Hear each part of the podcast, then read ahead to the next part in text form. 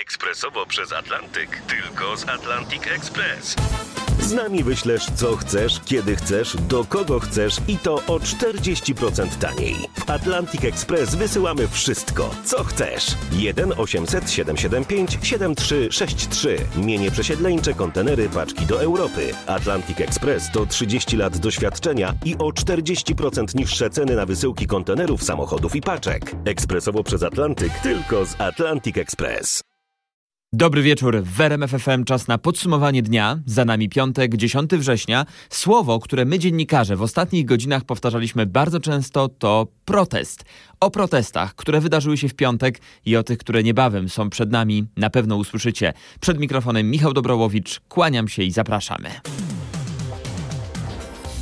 Będziemy protestować do skutku. Taką zapowiedź usłyszeliśmy w piątek od pracowników ochrony zdrowia po fiasku ich rozmów z ministrem zdrowia Adamem Niedzielskim. Na sobotę medycy planują dużą demonstrację w Warszawie. Do stolicy może przyjechać kilkanaście tysięcy, a może więcej demonstrujących. Przedstawiciele Komitetu Protestacyjno-Strajkowego Ochrony Zdrowia, czyli w praktyce pracownicy wszystkich zawodów medycznych, spotkają się w samo południe na Placu Krasińskich w Warszawie.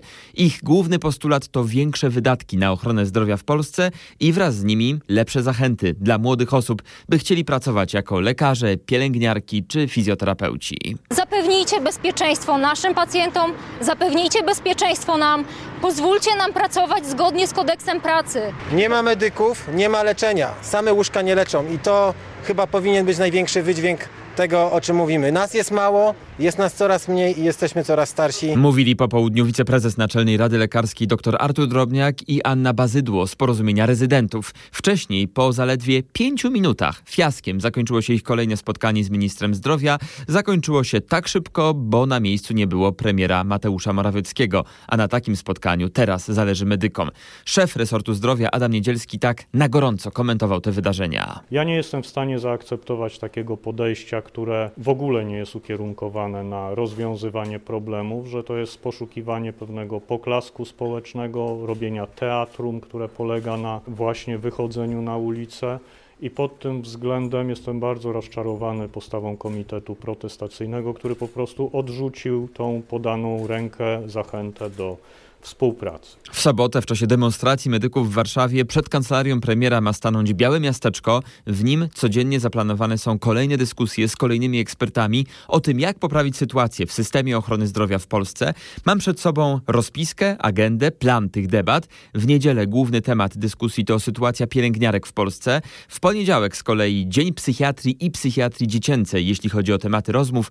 We wtorek Dzień Chirurgii i Ortopedii. W środę z kolei Dzień Medycyny Rodzinnej i spotkania, jak widzę, są zaplanowane już do kolejnej niedzieli. Wygląda zatem na to, że Białe Miasteczko będzie funkcjonować co najmniej tydzień. Gdy pytamy medyków o to, jak długo będzie działać, słyszymy do momentu, aż spełnione będą nasze postulaty, czyli zdecydowanie większe wydatki na ochronę zdrowia w Polsce. Pytałem prezesa Okręgowej Izby Lekarskiej w Warszawie, doktora Łukasza Jankowskiego, na ile dni działania Białego Miasteczka Komitet Protestacyjny jest przygotowany. Nie tyle kilka dni, ale na kilka tygodni funkcjonowania Białego Miasteczka już powoli środowisko środowiska medyczne się przygotowują. Ciekawa akcja na piątek. Kolejny piątek zaplanowana jest w Białym Miasteczku. Akcja pod hasłem Niech poleje się krew. To ma być masowe, honorowe oddawanie krwi. Zapowiadałem, że słowo protest będzie dzisiaj odmieniane przez różne przypadki. Pamiętam jak w sierpniu zapowiadaliśmy na naszej antenie, że szykuje się jesień protestów i mamy kolejny przykład. Ogłaszamy stan wyjątkowy w sądach i prokuraturze. To hasło protestu, który w centrum Warszawy w piątek zorganizowali pracownicy tych instytucji.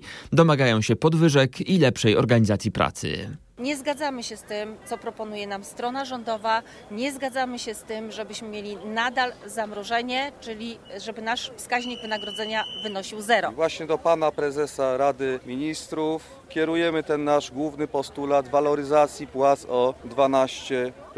Wszystkim nam powinno zależeć na tym, żeby prawo do sądu było realizowane. Nie da się tego prawa realizować, jeżeli osoby, które pracują dla wszystkich państwa, nie są traktowani godnie. Godnego traktowania w pracy w stolicy domagało się kilka tysięcy osób. Proszę Państwa, w dniu dzisiejszym ogłaszamy stan wyjątkowy dla polskich sądów i prokuratury. Zmuszeni tym wszystkim, co jest złe, przyszliśmy i będziemy głośno protestować e, przeciwko takim warunkom pracy i płacy. Inwestycja w kadry prokuratury, inwestycja w kadry sądu to jest inwestycja o bardzo wysokiej stopie zwrotu i to 12% to jest minimum, którego oczekujemy na dziś. Z protestującymi pracownikami sądów i prokuratur rozmawiał nasz reporter Krzysztof Zasada. A przed nami w podsumowaniu dnia kolejne tematy. 10 lat więzienia grozi byłej wiceprezydent Krakowa Elżbiecie K. Wraz z czterema innymi osobami, przypomnę, została zatrzymana przez Centralne Biuro Antykorupcyjne w związku z aferą deweloperską. Preferencyjnie traktowano podmioty reprezentowane przez prywatną spółkę, której przedstawiciel tutaj także był doprowadzony do prokuratury. Yy, Oprócz tego zarzuty przedstawiono Elżbiecie K., której zarzucono nakłanianie właśnie do dokonania tych niedopełnień obowiązków przez urzędników, a także zarzucono jej, że działając wspólnie w porozumieniu z Sebastianem H., udzielono y, Rafałowi K. obietnicy korzyści majątkowej i osobistej w postaci zatrudnienia na kierowniczym stanowisku w innym podmiocie. Wymieniał Janusz Chnatko z krakowskiej prokuratury okręgowej. Zarzuty usłyszeli też inni zatrzymani. Żaden z nich nie przyznał się do winy. Słuchacie podsumowania dnia, czyli piątku, 10 dnia września. My zostajemy w Małopolsce. Wśród naszych tematów kolejny właśnie z tego regionu. Tomasz Urynowicz został odwołany z funkcji wicemarszałka województwa małopolskiego. W jego miejsce wybrano radnego Józefa Gawrona. O tych personalnych przetasowaniach, a także ich kulisach teraz Marek Wiosło. Radni Sejmiku zdecydowali się na odwołanie Urynowicza jako powód podający wyjście z koalicji rządzącej porozumienia Jarosława Gowina, której członkiem jest Urynowicz. Wiadomo także, że jednym z powodów było przedstawienie przez byłego już wicemarszałka wniosku o uchylenie tzw. deklaracji LGBT. Komisja Europejska uważa, że taka deklaracja jest dyskryminująca i grozi odebraniem unijnych funduszy. Na wyjaśnienia czeka do 14 września. Radni o zmianie deklaracji jednak nie dyskutowali, bo stoją na stanowisku, że deklaracja dyskryminująca nie jest, a z komisją prowadzą w tej sprawie negocjacje. Dyskusję w tej sprawie prowadzi marszałek Witold Kozłowski, ale także konsultując te swoje e, poczynania z innymi województwami, które zostały postawione w podobnej sytuacji, ale także z polskim rządem. W tej chwili wyjaśniamy Komisji Europejskiej i ciągle to powtarzamy, że w Małopolsce nie ma miejsca na żadną dyskryminację. Mówił Dawid Gleń, rzecznik Małopolskiego Urzędu Marszałkowskiego. Dziękujemy za te relacje. Razem z naszymi reporterami śledzimy dla Was na bieżąco najważniejsze wydarzenia w różnych częściach Polski. Teraz czas na informacje z Pomorza. A konkretnie to będą wiadomości z Czerska w powiecie chojnickim. Właśnie tam wczesnym wieczorem protestowali mieszkańcy pod hasłem Zadbajmy o nasze bezpieczeństwo. Zablokowali drogę numer 22. Sprzeciwiają się planom utworzenia tam filii ośrodka w Gostyninie, gdzie trafiają groźni przestępcy, którzy po wyjściu na wolność mogą być niebezpieczni dla innych. Bo mamy tu dzieci też, bliskość przedszkola i szkół. Uważamy też, że ta Jak blisko jest do przedszkola i szkoły od tego miejsca? 15 metrów przedszkola, a szkoła 100 metrów. Uważamy, że na przykład na takiego pedofila, który będzie słyszał głosy dzieci bawiących się, śmiechy i w ogóle, to jednak nie pomoże im w tej terapii. Największym właśnie takim strachem są przepustki tak zwane. Nie wiadomo jak to daleko zajdzie, tak? A skąd ta obawa, że mogą na przepustki wychodzić? Stąd, że minister y, zdrowia w odpowiedzi do burmistrza napisał, że będą y, terapiowani i przyzwyczajeni do życia na wolności, a więc y, socjalizowani. Te głosy wśród mieszkańców pomorskiego Czerska zebrał nasz reporter Kuba Kaługa. Nasz reporter dopytywał o tę sprawę rzecznika wywołanego przed chwilą resortu zdrowia. Obawy mieszkańców Czerska są nam oczywiście znane, ale chciałbym je wszystkie rozwiać. Tak jasno mówił RMFFM rzecznik resortu Wojciech Andrusiewicz. Podsumujmy zatem, jak wygląda teraz sytuacja. Mieszkańcy tego niespełna 10-tysięcznego pomorskiego miasteczka Czerska sprzeciwiają się utworzeniu tam filii Krajowego Ośrodka Zapobiegania zachowaniom dyssocjalnym, który działa w Gostyninie. Wskazują, że ta filia w Czersku ma działać blisko przedszkola, blisko szkoły. Obawiają się jednocześnie, że pacjenci mogliby zyskać możliwość wychodzenia na przepustki. Kuba Kaługa przedstawi teraz stanowisko resortu zdrowia. Co konkretnie o tych obawach mówi rzecznik resortu Wojciech Andrusiewicz. Jak tłumaczył Czersk, wybrany został po wizytacjach służb ochrony ośrodka w Gostyninie, a zaważyły właśnie aspekty bezpieczeństwa, w tym bezpieczeństwa mieszkańców. Najważniejsze jest to, jak mówił Andrusiewicz, że pacjenci ośrodka będą całkowicie odizolowani. Te osoby nigdy nie wyjdą na dwór, mówił mi rzecznik resortu zdrowia. Dodał, że filia ma zacząć działać w ciągu kilku tygodni. Sprzeciw wobec tych planów wyrażała i Rada Miasta i burmistrz Czerska. Nie dał on jednak żadnego efektu, bo władze miasta dowiedziały się o tej sprawie po fakcie. Taka decyzja powinna być poprzedzona konsultacjami. No wiadomo, że nie wzbudziłoby to entuzjazmu, niemniej myślę, że wiele można by było mieszkańcom wyjaśnić. Mówił mi burmistrz Czerska Przemysław Biesek-Talewski. Będziemy przyglądać się sytuacji w pomorskim Czersku. Powtórzę, filia Krajowego Ośrodka Zapobiegania Zachowaniom Dyssocjalnym w Gostyninie ma właśnie w tym miasteczku na Pomorzu zacząć działać w ciągu kilku najbliższych tygodni. Tymczasem już od niemal kwadransa trwa podsumowanie dnia, piątku 10 września. Może się wydawać, że zapomnieliśmy o temacie pandemii koronawirusa. Nie. Nie zapomnieliśmy, bo niestety koronawirus nie daje o sobie zapomnieć. Ostatniej doby w Polsce potwierdzono 528 nowych przypadków COVID-19 i to jest wzrost o ponad połowę, tydzień do tygodnia w porównaniu do poprzedniego piątku.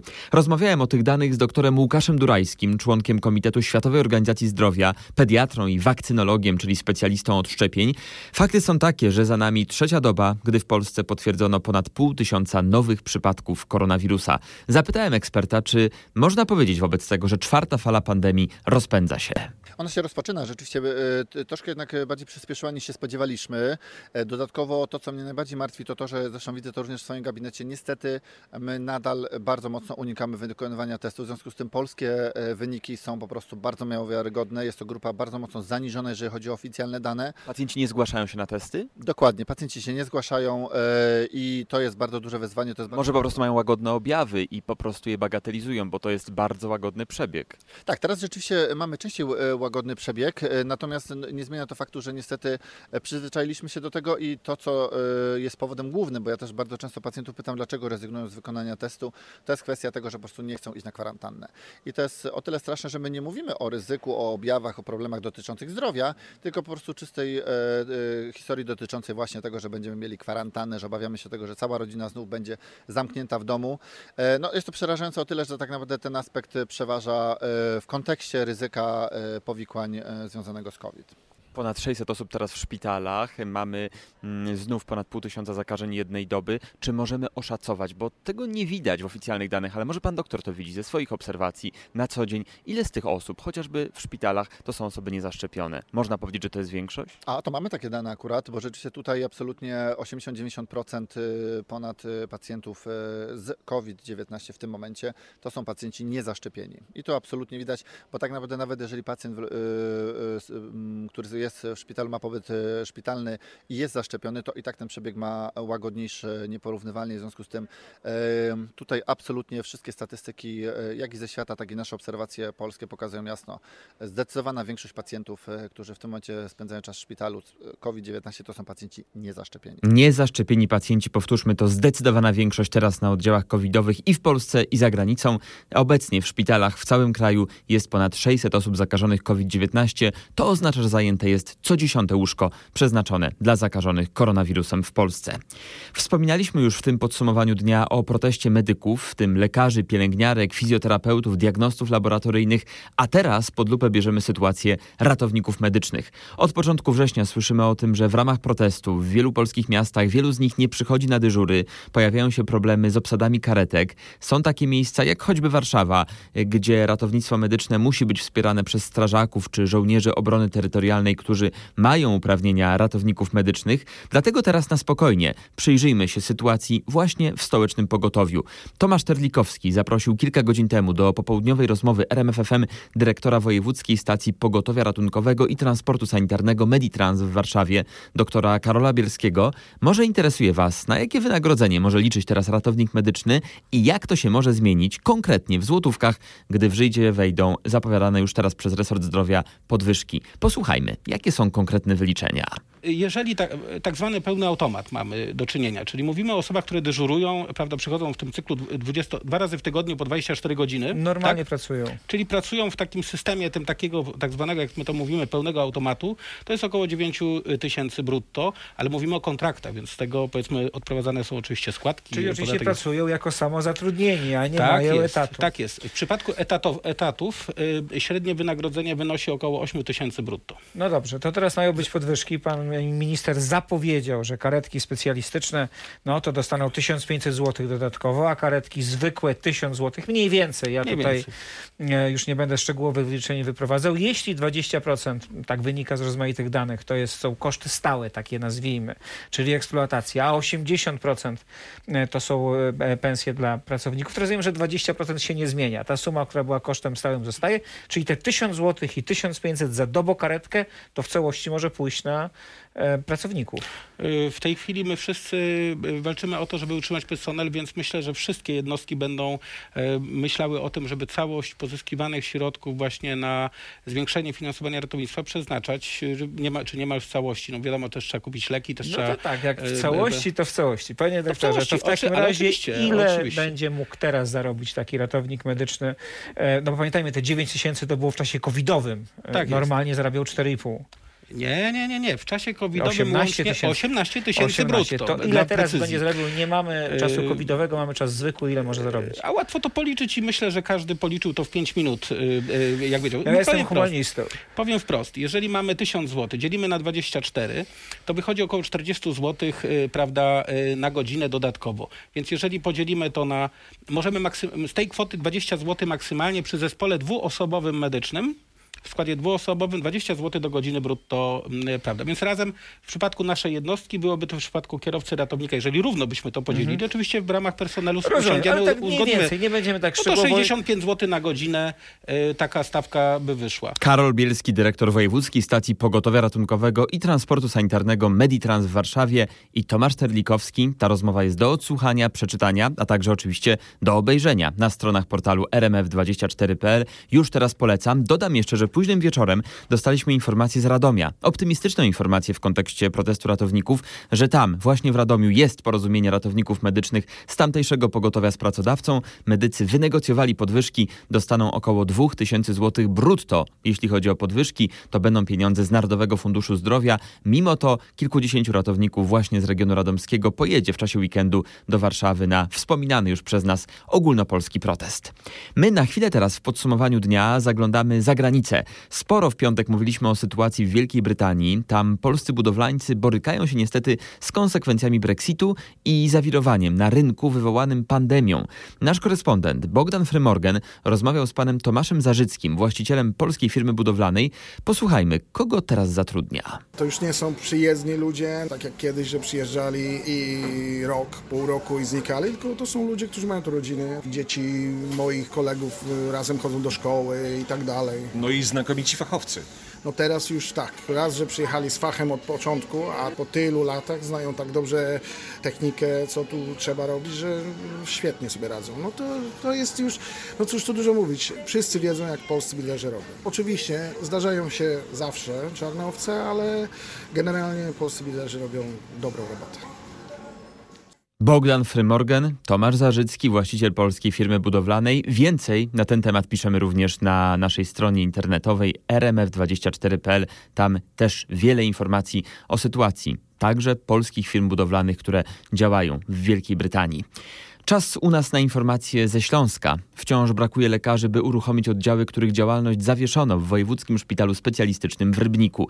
Na razie od września ruszyła pediatria, jest jednak problem ze znalezieniem kadry do oddziałów laryngologii dziecięcej i dla dorosłych oraz do oddziału wewnętrznego. Ten ostatni powinien ruszyć w październiku, ale mimo ponawianych konkursów chętnych cały czas brakuje. Oczekiwania, czasami finansowe, niestety stoją na przeszkodzie do zatrudnienia, ponieważ szpital naprawdę nie posiada pieniędzy na to, żeby kolejne zobowiązania zaciągać. Zarobki w naszym szpitalu nie są małe, płacimy dosyć dobrze i mam nadzieję, że tych lekarzy pozyskamy. Ilu lekarzy jest potrzebnych? No, żeby rozpocząć w ogóle na przykład y, na oddziale wewnętrznym, to potrzebuję co najmniej pięciu lekarzy, żeby mieć tak zwaną ordynację do południa. Lekarze na dyżury już się zgłaszają, natomiast dyżur y, nie rozwiązuje nam problemu, bo my potrzebujemy lekarzy w ciągu dnia do leczenia pacjentów. Rybnicki Szpital otrzymał w piątek 15 milionów złotych pożyczki od samorządu województwa na pokrycie części wymaganych zobowiązań, a ich kwota przekracza już 30 milionów.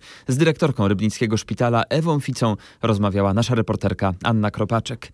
Cały czas w podsumowaniu dnia mówimy o tematach ze Śląska. Tam w piątek 10 września, który jest za nami, działo się bardzo dużo. Rozpoczął się strajk w zakładzie produkującym części do samochodów oraz urządzeń AGD w Sosnowcu.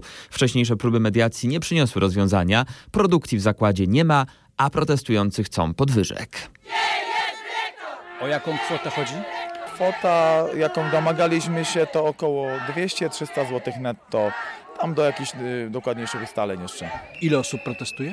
Praktycznie wszyscy pracownicy produkcyjni i pośrednio produkcyjni. Także to będzie w granicach 200-300 osób. Nie wiem dokładnie ile osób znajduje się na L4 bądź na jakichś takich innych urlopach. Czyli produkcji w zakładzie nie ma. Fabryka jest zatrzymana całkowicie, wszystko stoi. Czy będą rozmowy? Gdy pojawi się reakcja ze strony zarządzających firmą, na pewno o niej poinformujemy. A z Grzegorzem Ufniarskim, jednym z protestujących w Sosnowcu w fabryce, zakładzie produkującym części do samochodów i do urządzeń AGD, rozmawiał Marcin Buczek. Po Śląsku czas na informacje z Dolnego Śląska. Do 17 września, czyli jeszcze dokładnie przez tydzień, wrocławianie mogą zgłaszać swoją kandydaturę w październikowych wyborach do rad osiedli. By ubiegać się o jeden z blisko 800 mandatów radnego, trzeba spełnić kilka warunków. Po pierwsze, być dorosłym, po drugie, mieszkać na stałe na terenie osiedla, zebrać podpisy poparcia i wypełnić specjalny formularz. Mm, Posłuchajmy, na co może konkretnie mieć wpływ osiedlowy radny. To oni są tymi, którzy w imieniu mieszkańców będą zabiegać o załatanie dziury w ulicy, o posadzenie drzewa, o zorganizowanie festynu, często to robią sami. Mogą również organizować życie kulturalne, społeczne, sportowe i jakiekolwiek inne formy aktywności na osiedlu. Są na to finanse, każda rada osiedla dostaje swój budżet, a więc gospodarują budżetem i mogą robić to, co uważają za potrzebne albo co zgłoszą, im mieszkańcy. Przekonywała Dorota Felix, dyrektor Wrocławskiego Centrum Rozwoju Społecznego. A przed nami kolejne tematy i nieoczywista teraz wycieczka na Mazowszu. W niedzielę w Warszawie uroczystości beatyfikacyjne kardynała Stefana Wyszyńskiego i matki Elżbiety Czackiej coraz więcej osób odwiedza Zuzelę. To jest wieś położona w powiecie ostrowskim w gminie Nur na Mazowszu właśnie, gdzie 120 lat temu urodził się prymas tysiąclecia Stefan Wyszyński. To miejsce odwiedziła nasza reporterka Magdalena Greinert. Magda opowiedziała nam, że pielgrzymi zwiedzają m.in. Muzeum Lat Dziecięcych kardynała Stefana Wyszyńskiego. To dawny budynek szkoły, do której przez dwa lata chodził prymas. W jednej części odtworzono szkolną izbę, w drugiej mieszkanie rodziny Wyszyńskich. Telefon dzwoni praktycznie bez przerwy. Mówi mi pani Elżbieta Wysocka, która oprowadza po muzeum. Bardzo mamy dużo telefonów. Jutro na przykład w sobotę mamy siedem pielgrzymek. Także cały dzień przybywają pielgrzymi, jest bardzo dużo pielgrzymek, dzwoni, dopytuje. Także no tu Zuzela będzie na pewno odwiedzana. Jeszcze większej liczby zwiedzających mieszkańcy spodziewają się poniedzielnej beatyfikacji prymasa. Z Zuzeli Magdalena Greinert. Dziękujemy za te relacje z mazowieckiej miejscowości Zuzela w powiecie ostrowskim. O życiu i biografii kardynała Stefana Wyszyńskiego mówi się coraz więcej. Posłuchajmy jednego z komentarzy.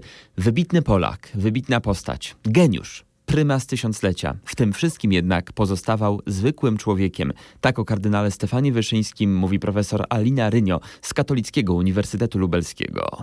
Był geniuszem, jeśli chodzi o e, taki wymiar bycia człowiekiem, przewidywania pewnych rzeczy, bycia rozumnym, a równocześnie umiejętnego wymagania od samego siebie, niezależnie od okoliczności.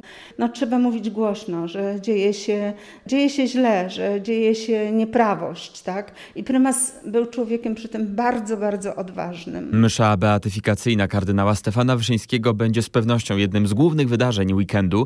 Początek w niedzielę w samo południe w uroczystościach beatyfikacyjnych kardynała Stefana Wyszyńskiego i matki Elżbiety Czackiej. W niedzielę będzie można współuczestniczyć za pośrednictwem 16 telemostów zlokalizowanych w kościołach w całej Polsce. Relacje usłyszycie z pewnością na naszej antenie.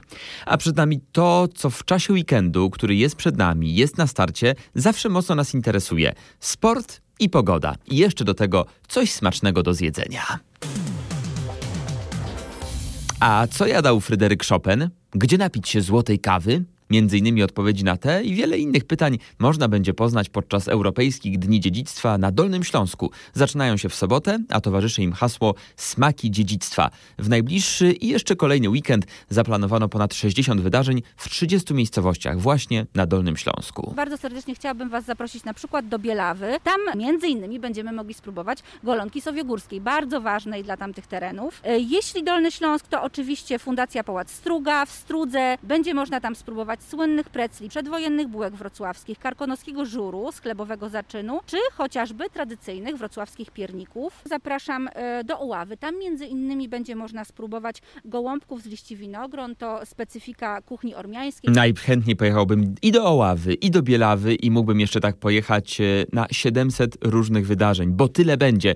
E, O tutaj przed chwilą zapraszała nas na te wydarzenia na Dolnym Śląsku Agnieszka Szepetiuk-Barańska, koordynatorka Europejskich Dni Dziedzictwa właśnie w tym województwie, ale e, powtórzę, ponad 700 różnych wydarzeń na terenie całej Polski jest zarejestrowanych właśnie w ramach Europejskich Dni Dziedzictwa. Najwięcej na Śląsku, Opolszczyźnie i w województwie mazowieckim wymienia dyrektor Narodowego Instytutu Dziedzictwa Bartosz Skaldawski. Dziedzictwo kulinarne jest e, bardzo wdzięcznym tematem do, do rozmowy. Po pierwsze dlatego, że rzeczywiście ono daje taką możliwość e, budowania pewnych relacji ze wszystkimi w zasadzie, bo wszyscy e, jemy różne rzeczy i chętnie dzie- dzielimy tym, co nam smakuje, co nam mniej smakuje. No, z drugiej strony tematy kulinarne pokazują też to, co jest myślę charakterystyczne i co jest też dużą zaletą i dużym potencjałem e, polskiej kultury, czyli to bardzo duże zróżnicowanie. Przekonuje Bartosz Skaldawski, przypomnę, dyrektor Narodowego Instytutu Dziedzictwa. Ja też przyznam wam się, że wybieram się z mikrofonem w czasie najbliższego weekendu, w niedzielę, do Sierpca na północy Mazowsza. Tam w muzeum właśnie w ramach Europejskich Dni Dziedzictwa będzie można dowiedzieć się na przykład, jakie są przepisy na prawdziwą, pyszną grzybową, taką bożonarodzeniową, jak ukisić kapustę, jak ugotować powidła. Będziemy to relacjonować, będziemy podpowiadać razem z ekspertami na antenie. Przysmaki i sport y, to jest dla wielu osób przepis na udany weekend. I taki właśnie się zapowiada dla fanów szybkich samochodów na Śląsku. Wszystko dlatego, że po raz piąty wystartuje Rajd Śląska, który jest piątą rundą Mistrzostw Polski. Na starcie stanie ponad 100 załóg. Załoga Orlen Teamu. Kasper Wrublewski, Jakub Wrubel liczy na udany start jak w rajdzie rzeszowskim, chociaż trasa Rajdu Śląska jest bardziej zróżnicowana. Organizator od 5 lat znajduje w okolicy Katowic, przejeżdżamy też również w okolicy Bielska czy tak jakby Jaszczębia, znajduje bardzo wymagające trasy, które wbrew pozorom te odcinki nie są podobne. Na przykład w Jaszczębiu mamy bardzo przyczepny asfalt, e, a na przykład na odcinku Chybie mamy mało przyczepny asfalt, bardzo wąski i mocno podbijający. Podkreślał Kacper Wrublewski z załogi Orlen Teamu. Życzymy udanych wrażeń i powodzenia w ramach piątego rajdu Śląska. Pora, jaką teraz mamy, mam wrażenie, sprzyja rozmowom o tajemniczym kosmosie. Księżyc. Właśnie tam wracamy, by nauczyć się wszystkiego, co będzie nam potrzebne przy załogowej wyprawie na Marsa. Tak w rozmowie z RMFFM mówi wiceszef NASA Robert Cabana. Testowy lot załogowy wokół Księżyca planowany jest za dwa lata, a lot na czerwoną planetę też jest planowany, ale na niego musimy poczekać znacznie dłużej. Naszym celem jest polecieć na Marsa pod koniec lat 30. tego stulecia. To bardzo ambitny plan. Musimy się jednak jeszcze wiele nauczyć, w tym musimy podczas lotów księżycowych opracować system podtrzymania życia przez długi czas. To jednak znacznie prostsze, by uczyć się tego, gdy jesteś dwa, trzy dni od Ziemi, jak na Księżycu, niż kiedy jesteś wiele miesięcy od domu, jak byłoby na Marsie. Robert Cabana jest gościem trwającego od piątku w Kielcach konkursu łazików marsjańskich. Obejrzyjcie koniecznie całą fascynującą absolutnie wideo rozmowę Grzegorza Jasińskiego z wiceszefem NASA. Jest oczywiście ta rozmowa dostępna na naszej stronie rmf24.pl. Naprawdę gorąco polecam. Mówię, że polecam gorąco, bo delikatne ochłodzenie jest przed nami, a do tego burze czekają nas w czasie najbliższego weekendu. Alerty związane z burzami, z gradem w sobotę i w niedzielę mogą obowiązywać w większości regionów. Poza Dolnym Śląskiem i Podkarpaciem sprawdzamy, jakie są Wasze plany na te najbliższe dwa dni, na drugi weekend września. No ja akurat weekend mam już zaplanowany, jadę do siebie na działeczkę na Podlasie, będziemy e, chować drewno zbierane przez całe lato. Taki oto plan na weekend. Cieplejsze ubranie i spacer, jeżeli nie będzie zbyt padało. Myślę, że tak, że to chyba takie ostatnie tchnienie lata i dobry nastrój, dobra energia na wprowadzenie na te chłodniejsze dni. Ostatnie tchnienie lata. Najbliższe dni i początek nowego tygodnia w większości regionów zapowiadają się z temperaturą w okolicy 20 stopni Celsjusza, czyli będzie o 3 4 stopnie Celsjusza mniej niż na przykład w piątek, który jest już za nami i który bardzo miło było mi podsumować specjalnie dla Was. Michał Dobrołowicz, bardzo dziękuję za nasze spotkanie. Życzę dobrej nocy, kłaniam się, udanego weekendu i do usłyszenia.